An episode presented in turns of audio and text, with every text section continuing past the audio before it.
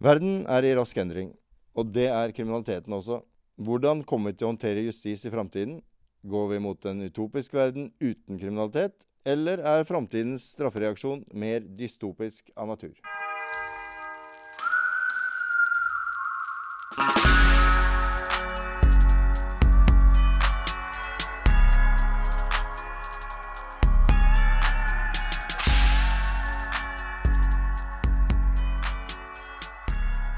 På Røverradioen. Mitt navn er CJ. Jeg heter Christian. Og i dag er vi så heldige å ha fått eh, besøk av astrofysikeren og futuristen Eirik Newt.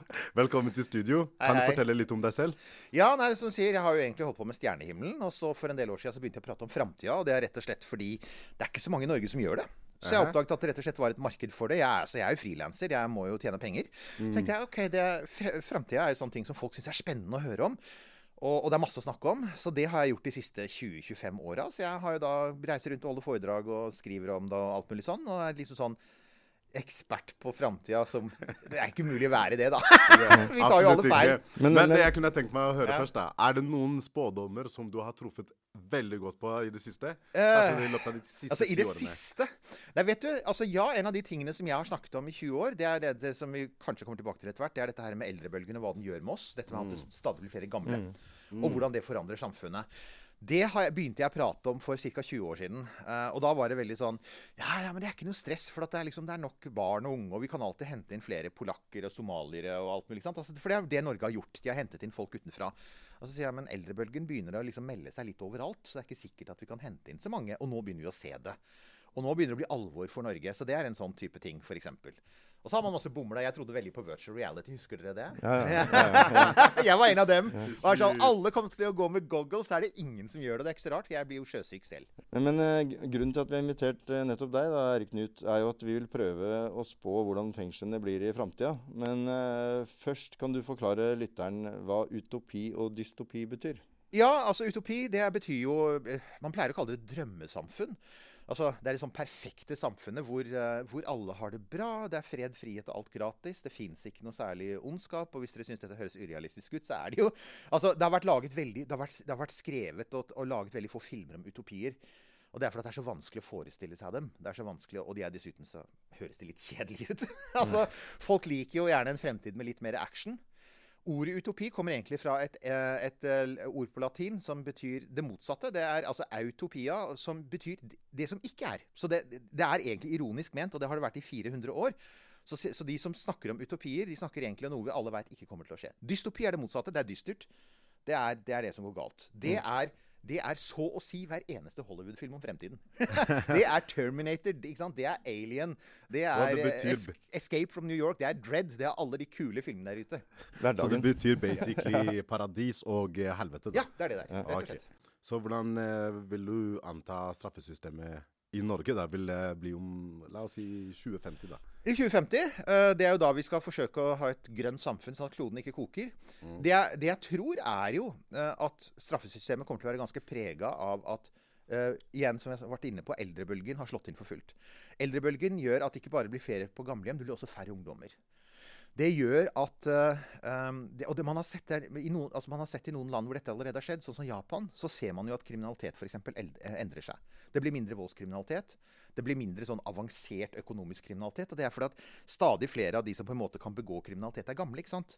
Og det betyr jo ikke at folk eh, Så det man ser, er at det blir en sånn forflytning fra liksom vold og store ran og slike ting. Og, og også for så vidt eh, og også rus. Eh, og, og til nasking. ikke sant? Yes. Småtyverier.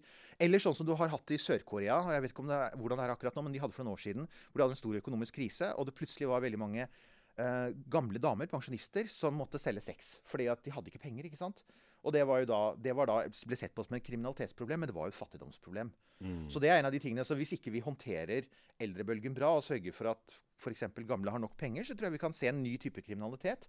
Prostitusjon? Um, ja, det, det, ja, men altså igjen, har, det har allerede skjedd. Og det er en av de tingene som er en, en del av jobben min, er å følge med på hva som skjer ute i verden. For jeg sier, vent litt, hvis det kan skje der, så er det jo faktisk ikke utenkelig at det kan skje her også. Vi er bare sånn, vi, og det handler om å putte seg i det mindsettet, da. For at det er så mange ting vi tenker ja, men dette kan jo aldri hende. Men det er vel lettere at det skjer her enn der, egentlig.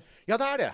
Og derfor så sier jeg at vi Så jeg, jeg tror jo så er jo da det store spørsmålet er om vi får noen endringer i lovverket. Jeg tror vi kommer til å gjøre det. For jeg tror jo at etter hvert som altså, samfunnet får mindre ressurser å bruke på andre ting enn gamle. Og det vil si at de også, altså På et eller annet vis er de også nødt til å effektivisere dette systemet her. Og det jeg håper og tror litt på, er at man også innser at man må rydde opp i lovverket og si hvilke lover trenger vi? Hvor, altså, altså, bli tydeligere på hva som faktisk kreves da, for at folk skal settes inn, som f.eks. grov vold og terror og slike ting. Hva som kan gjøres med hjemmesoning. Mm. Eh, hvor mye som kan gjøres med påtaleunnlatelser og rehabilitering og diverse opptrenings... Altså de, vi har jo ganske mye i det systemet i dag, selv om ikke det er, er funded nok. På papiret, kanskje? På papiret, ikke sant? Ja, men, men, greia er at disse systemene har en stor fordel. Og det er at de er mye billigere enn konvensjonelle fengsler. Dette her er et rådyrt sted. Dette er en innmari dyr måte å, og forsøke å løse kriminalitetsproblemet på. Så vi kommer til å bli mye mer opptatt av å spare penger, fordi vi kommer til å ha mindre penger i framtida. Altså, altså det er færre i jobb, det er flere som er pensjonerte, og vi skal dessuten fikse klimaet, og det grønne skiftet blir innmari dyrt. Og olje også er veldig Ja, ikke sant? vi skal fase ut oljen. Det skal vi jo egentlig gjøre. Ja. Så vi, vi, vi, kommer til å jeg, jeg tror jo faktisk at, eh, at hvis, altså hvis vi, folk tenker litt fornuftig, Uh, så ser de at mye av det vi gjør i dag, er ikke bare, ikke bare funker det ikke, men det er innmari dyrt, og det er ganske men, ineffektivt. Ja, kan jeg spørre, hvor, ja. hvor, mye tror du det koster for fengselet her i Oslo å ha meg her i måneden? Det er nok billigere enn å ha folk i varetekt. Prøv å gjette en gang. Uh, 150 000? Nei, det var litt mer. Er det? Nei, altså, det er litt under. Men okay. det er 150 000 i, Nei, i måneden. Oh. Ja. ja. Men altså, unnskyld, det, det, var ganske godt gjetta, da. det er mulig jeg har lest et sted. Men, men altså, det, er, ikke sant? det er da jeg tenker at, at, der er det fullt mulig å tenke seg altså, de, de pengene der. Mm. Eh, fordi at det er En ting er hva det koster å holde deg her, men det er også hele infrastrukturen rundt. ikke sant? Vi har jo et maktapparat rundt det. Og vi har, et, uh, vi har massevis av byråkrater. Vi har massevis av penger som går inn i dette systemet. Og vi vet at det er et system som har for lite penger, for det får vi høre hele tiden. Mm. Altså Vi som er utafor, ser jo det at altså, det er f.eks.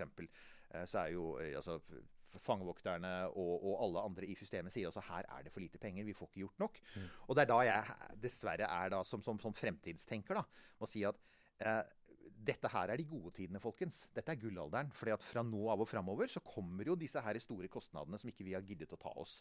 F.eks. For mm. å, å forberede oss på eldrebølgen, forberede oss på det grønne skiftet. Mm. I Norge har i likhet med alle andre land, vi har ikke satt av penger til det, vi. Så nå mm. må vi begynne å bruke, vi, vi er nødt til å begynne å bruke de pengene. Og, og det, det, gjør at um, jeg er, helt sikker på at, vi, at, at, jeg er helt sikker på at det finnes mye billigere måter å gjøre det på enn 100 105 000 kroner. I, i må, ja, ja, ja, Så, ja. Det jeg har tenkt litt på deg i det siste, det er sånn predictive policing, eller forutseende politiarbeid. Hva tenker du om eh, det her i fremtiden, da? Busted!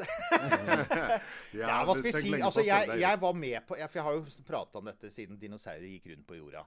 Og, uh, og jeg, husker da Predictive, Predictive Policing dukket opp.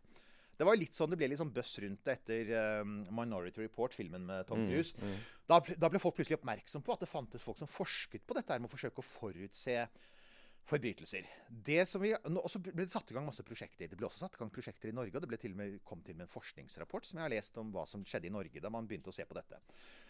Altså, Tanken var i og for seg ikke så dum, og det var at man skulle bruke eh, data, sant, dataverktøy. Samle inn data. Ikke bare altså, Politiet og, og rettsvesenet vet ganske, vet ganske mye om hvem som begår kriminalitet, hvor de bor hen, og hvor det skjer. F.eks. noen hundre meter fra her vi står, er en ganske stor arena for kriminell aktivitet. Yes, ikke sant? Mm. Og, og, dette vet politiet. Så der er det kameraovervåkning, og det er stadig patruljer, og stadig så er det sant, aksjoner der nede. Um, og så vet vi også at når du, slipper, når du stenger dørene for utesteder på, på, lørdag kveld, så er det trøbbel i sentrum. Sånne ting vet politiet. Predictive mm. policing var ment å finne andre de tingene som politiet selv kanskje ikke vet. Og det var å samle data om alt mulig fra været til konserter til inntekt til frafallsrate i skolen til arbeidsledighet å lage um, sånne heatmaps, sånne kart med liksom sånn hvor det var rødt, så er det mye av kriminalitet. Eller potensielt. Og det var poenget. Mm. For dette er mm. statistikk. Mm. Så ideen var ikke å si han duden der skal begå kriminalitet, sånn som de gjør i Minority Report, og han yes. gjør det om ti minutter. Poenget var å si raske. i det området der så er det nå kanskje 10-15% høyere sannsynlighet for at f.eks. det kommer en innbruddsbølge. Så det kan være lurt for politiet, som alltid har begrensa ressurser, å bruke, å bruke ressursene sine på en smartere måte. Det var tanken. Så var det spørsmål om levering, da. ja, det, det Du syns det ikke fungerer? Nei, det, altså, det, har jo, det, har jo, ikke levert på, på, noen måte sånn som de trodde. Det er mange, det er mange predictive policing-prosjekter som er lagt ned. Noen har hatt litt effekt. Eh, det, jeg vet bl.a. at det har vært noe sånn derre igjen sånne innbruddsbølger som man har kunnet fange opp. Og det har vært noen sånne interessante resultater, som f.eks. at uh, altså, intenst regnvær kan flytte på kriminaliteten og sånn. Altså, ja, jeg, jeg, ser den. Men det, det det kommer ned til, er det jeg nettopp har snakket om. Det er penger. Det er, mm. det er dritdyrt. For at, husk på, predictive policing gjøres ikke av politiet selv. Politiet hyrer inn IT-selskaper. Dette er konsulenter. Dette er konsulenter som flyr på business class. De skriver alle regninger med gaffel. Mm. Så det koster masse, og så er det masse dyr tech som skal brukes. Og, og, det man da sier, er liksom sånn Vent nå litt. Hvis vi har små budsjetter, og hvis vi kan velge mellom å ha folk på gata f.eks., eller altså konvensjonell etterforskning, og disse rådyre datasystemene, og det må man ofte gjøre, så, så, så, vil jo de fleste si at vet du hva, da, da, da leverer ikke datasystemene. Mm. Og i Norge så kom det en, en, ting til inn, og det er jo sånn som man ofte ikke tenker på. men det er sånn, Dette er statistikk, og det betyr at du, du, trenger ganske mye data. Det er basert på noe som heter big data. Du skulle samle svære mengder med data. Det var, det var bygd for Los Angeles. Jeg skulle komme inn på det, akkurat det der. I Kina så har de jo i Kina, I Kina så følger de deg jo på absolutt Det gjør de. Så i Kina Til og med måten du går på, måten ja. du Prikksystem? Ja, ja. Så ja, ja, ja. blir kreditert etter det, hvordan du oppfører deg i samfunnet. Ikke sant. De har et sånt system. Men ville du ha sagt at det fungerer, da? Altså, Kina fungerer jo i den forstand at Ja, det er mindre kriminelle. Altså, det er Ja, pluss at de holder jo befolkningen i ro, sånn noenlunde. Bortsett fra at nå har det vært svære opptøyer der i forbindelse med covid. Mm. Uh, og det, det, er jo en del av kommunistpartiets maktapparat. da. Så, det er jo, så, så, På den ene siden så er det jo en del vestlige selskaper som har hyra en kin, kinesisk teknologi for bl.a. å drive sånn face recognition, ansiktsgjenkjenning, mm, ja, ja. og overvåkning i offentlig rom. På den andre siden så er de jo veldig klar over at, at så snart de går litt sånn dypere inn i det kineserne gjør, så er det jo sånn skikkelig paranoia Uh, en av mine favorittfilmer er 'Enemy of the State' med Will Smith. Den er, den er sånn paranoiafilm. Han blir fulgt overalt, alle steder. Det er jo det kineserne holder på med. Mm. Men det de egentlig ikke, det jeg ikke kan se at de har vært noe særlig flinke til å vise, da, er at dette her også kan forutse ting. For at kinesiske myndigheter ble tatt på senga av de store protestene nylig. Mm. Uh, så det, er fremdeles sånn at det er veldig mye du ikke kan forutse. Så jeg syns det, sånn, det, er veldig greit at man nå har liksom trukket seg litt tilbake fra det og sier at det kan brukes til noen ting. Men den der løsningen på kriminalitet fordi at ja, nå vet vi hvor det skjer, så nå kan vi liksom stå der når de dukker opp. Mm. Den er ikke levert, altså. Men vil det funke best i diktatur eller uh, demokrati? Helt klart diktaturer. Og så mm. vil det funke best der det er mye folk.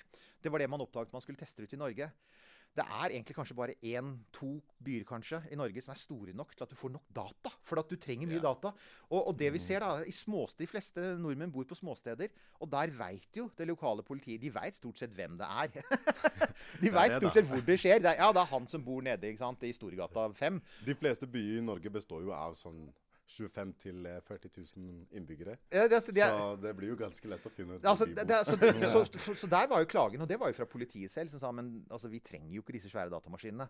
For det, er, det er, tross alt Norge er et land med lite kriminalitet. Det er stort sett lite kriminalitet de fleste steder i Norge det meste av tiden. Og, og, og, og, når det blir alvorlig, som selvfølgelig, som du plutselig kan ha Plutselig kan du ha et drap, eller plutselig kan du ha et stort ran, eller sånt noe ja, så er det, det, det er sånn som predictive policing ikke sier at de kan de, de påstår ikke at de kan spå det.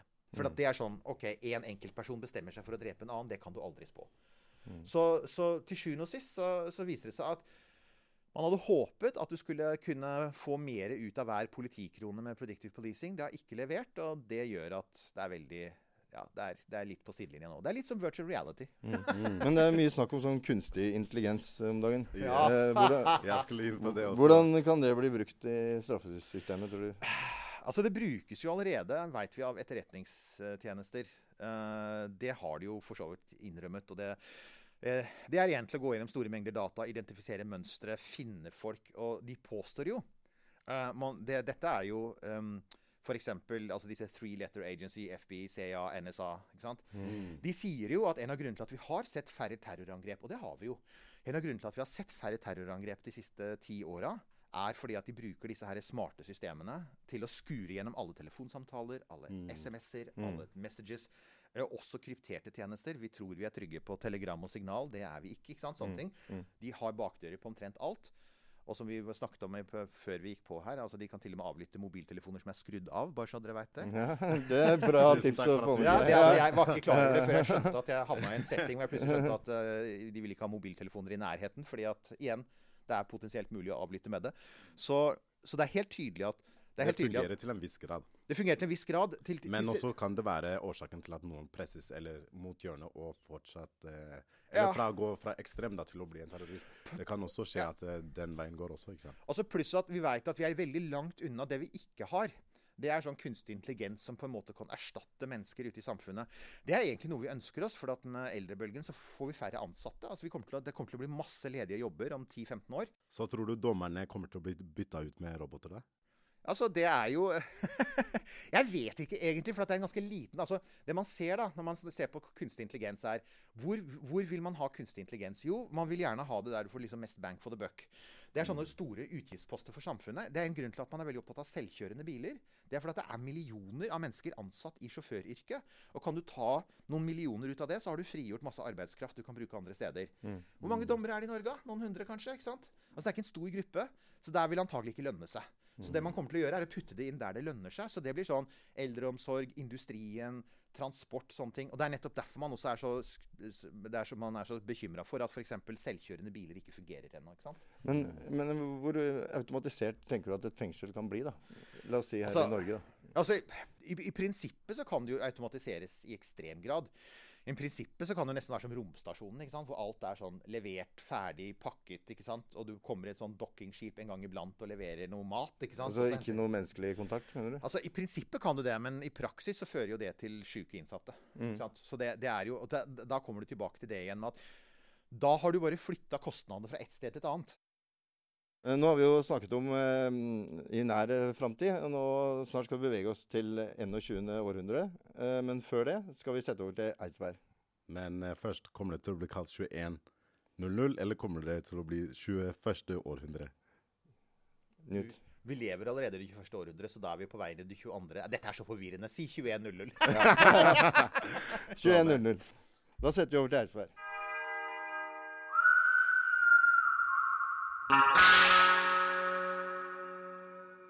Dette er Røverradioen. Vi sender fra Eidsberg fengsel. I dag har jeg med meg Big Boy Ali. Mhm. Jeg heter David. I dag har vi fått i oppgave om å spå hvordan norske fengsler ser ut i år 2100-tallet. Eh, Big Boy Ali, hva spår du skjer i år 2100-tallet når det gjelder norske fengsler?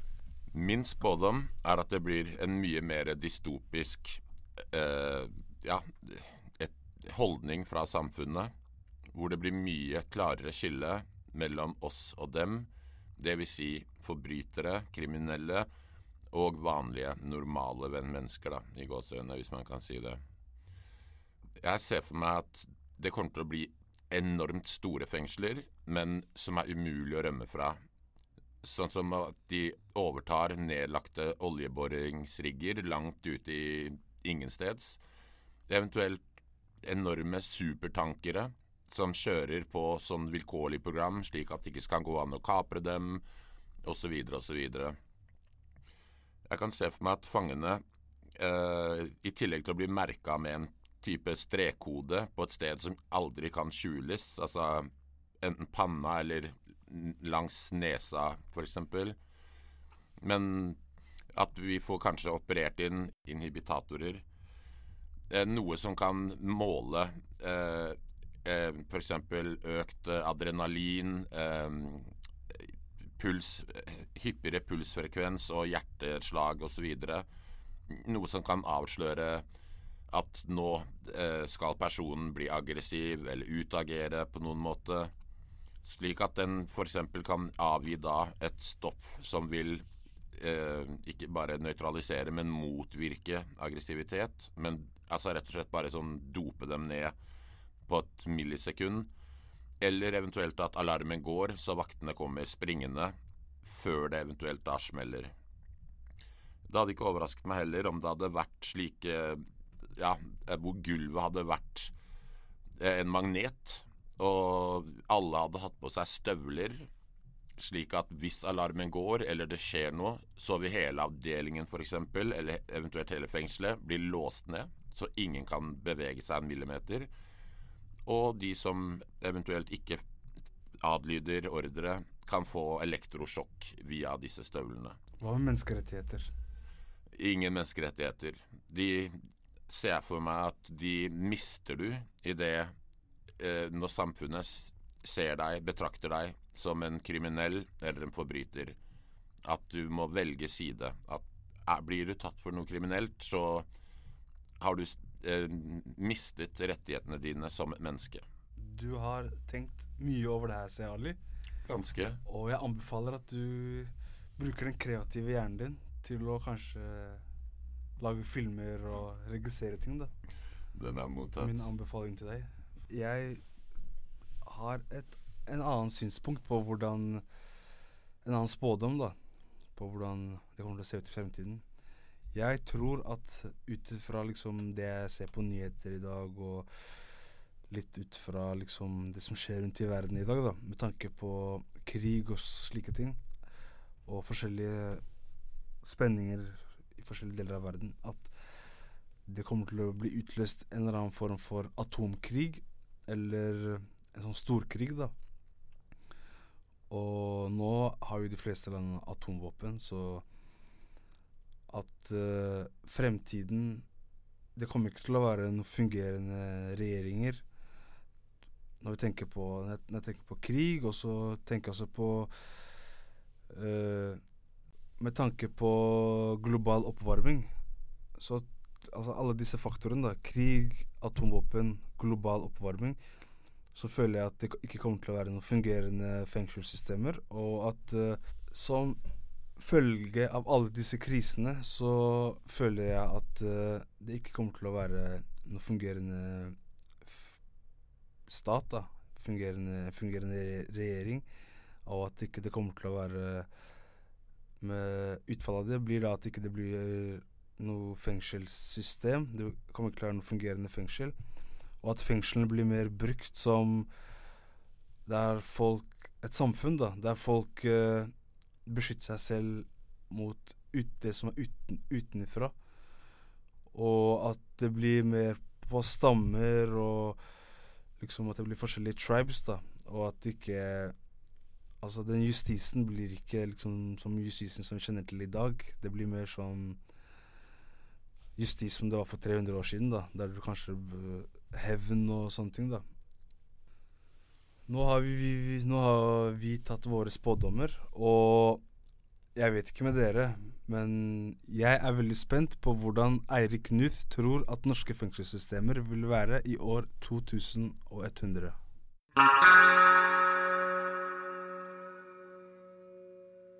Yes, Yes, yes. Hva tenker du da om eh, guttas spådommer, Eirik? This got dark. Atomkrig. Ja, vi får håpe at eh, de russiske atomrakettene har funka like, bra- funker like bra som de tanksene deres og de missilene de bruker i Ukraina. Med andre ord not. Mm. Bra, Eh, passet mitt klart. Ja, altså, jeg må si, det, det har vært sagt om den tida vi lever i. Vi er, vi, lever, vi er på et litt sånn rart sted. Og det er, det er lettere for oss å tro på verdens undergang enn at det samfunnet vi lever i, kan forandres. Det er faktisk der vi er nå. Og dette er veldig tydelig eh, fra det som sies her. Og jeg, jeg, altså, jeg skjønner dem innmari godt. Jeg har vært der mye sjøl. har egentlig lenge tenkt at det f.eks. atomkrig er liksom det mest troverdige utfallet, liksom. Men uh, så har jeg jo, jeg, som jeg snakket om litt tidligere her vi står foran noen store forandringer. De kommer til å gjøre ting med samfunnet vårt. Altså Vi må skru ned f.eks. på vekstsamfunnet. Det kommer til å stoppe pga. eldrebølgen. Det grønne samfunnet har mye bra i seg. Vi er på vei mot et systemskifte. Vi kommer til å ha en annen type samfunn om, eh, i 2100. Og det samfunnet det kan være veldig radikalt forskjellig på en positiv måte fra det vi har nå. For et eksempel. altså 2100 det er ca. 80 år unna. Hvor var Norge for 80 år siden? Jo, Vidkun Quisling var leder i landet. ikke sant? Mm. Og jeg, jeg, tror vi kan si at, jeg tror vi kan si at vi har det bedre nå. Mm. det, har skjedd, det har skjedd enorme fremskritt. Og vi har lett for å liksom fokusere på alt det materielle. At vi alle sammen har mobiltelefoner. Eller ikke, unnskyld, ikke alle sammen. Nå jeg Det var dårlig gjort. Det var feil sted. Ikke klipp det. Det, er det. Dette er podkast. Podkast Eirik dreide seg ut. Men veldig mange har mobiltelefon. Og det er, mye, det er mye privat velstand, men husk på at de viktigste tingene som har skjedd, det er ofte det er de tingene som ikke nødvendigvis går på det materielle. Det er det at vi tross alt har, vi har et, et, åpent samfunn, et demokratisk samfunn, og at det, ny, at det er grupper som har fått aksept for sin måte å være på. Og, og vi prøver, tross alt, så er det mange der ute som prøver å jobbe for at også strafferettssystemet skal bli mer humant. Jeg kan se den der greia med at pengeknipet kan gjøre at man, man får eh, at man får stadig strengere fengsel. Jeg kan også godt skjønne liksom, frustrasjonen over at man har lyst til å slutte jobben, men vi snakker om 80 år.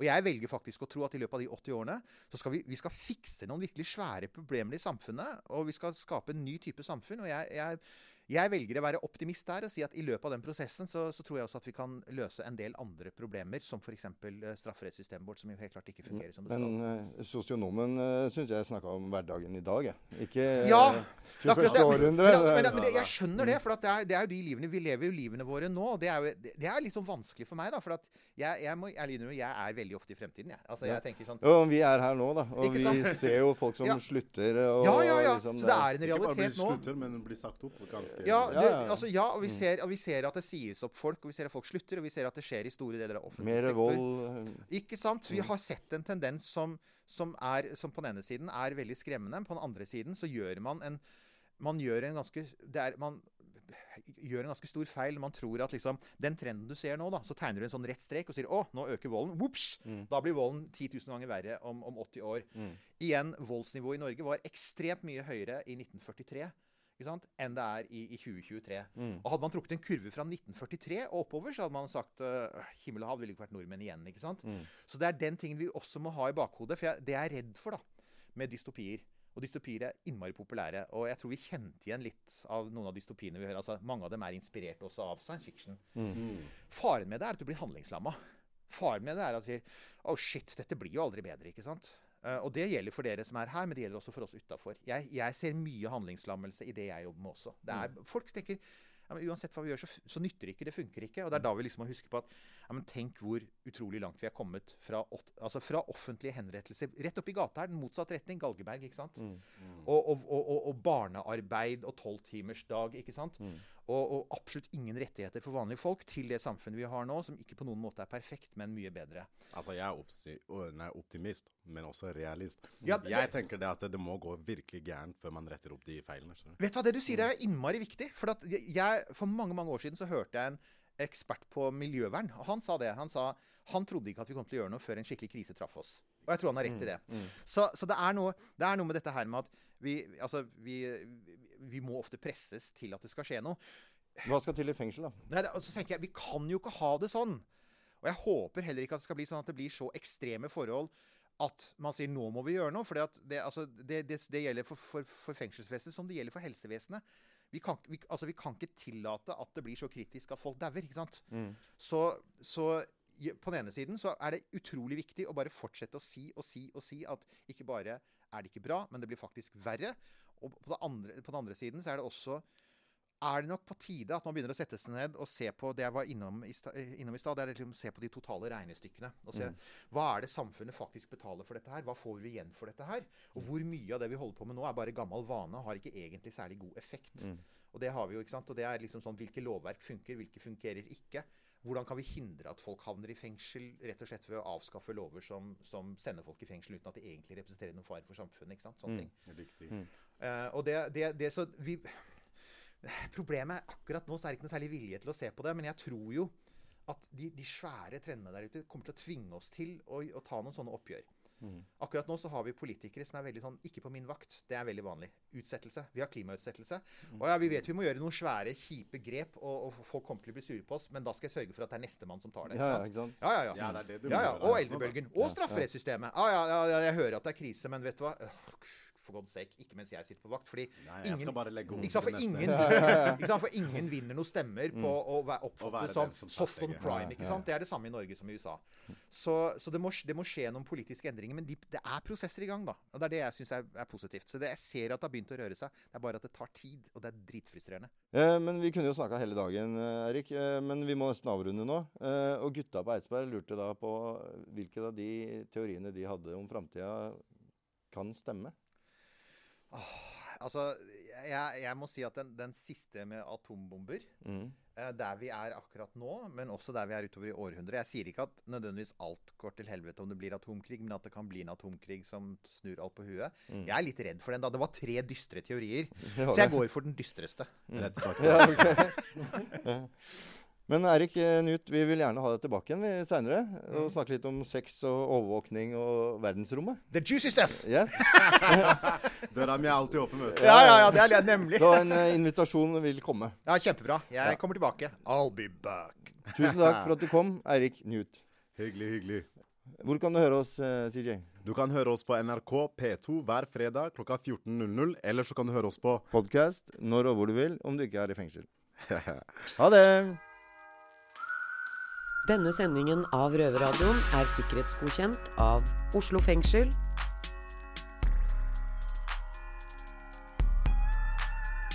Musikken er laget av Trond Kallevåg.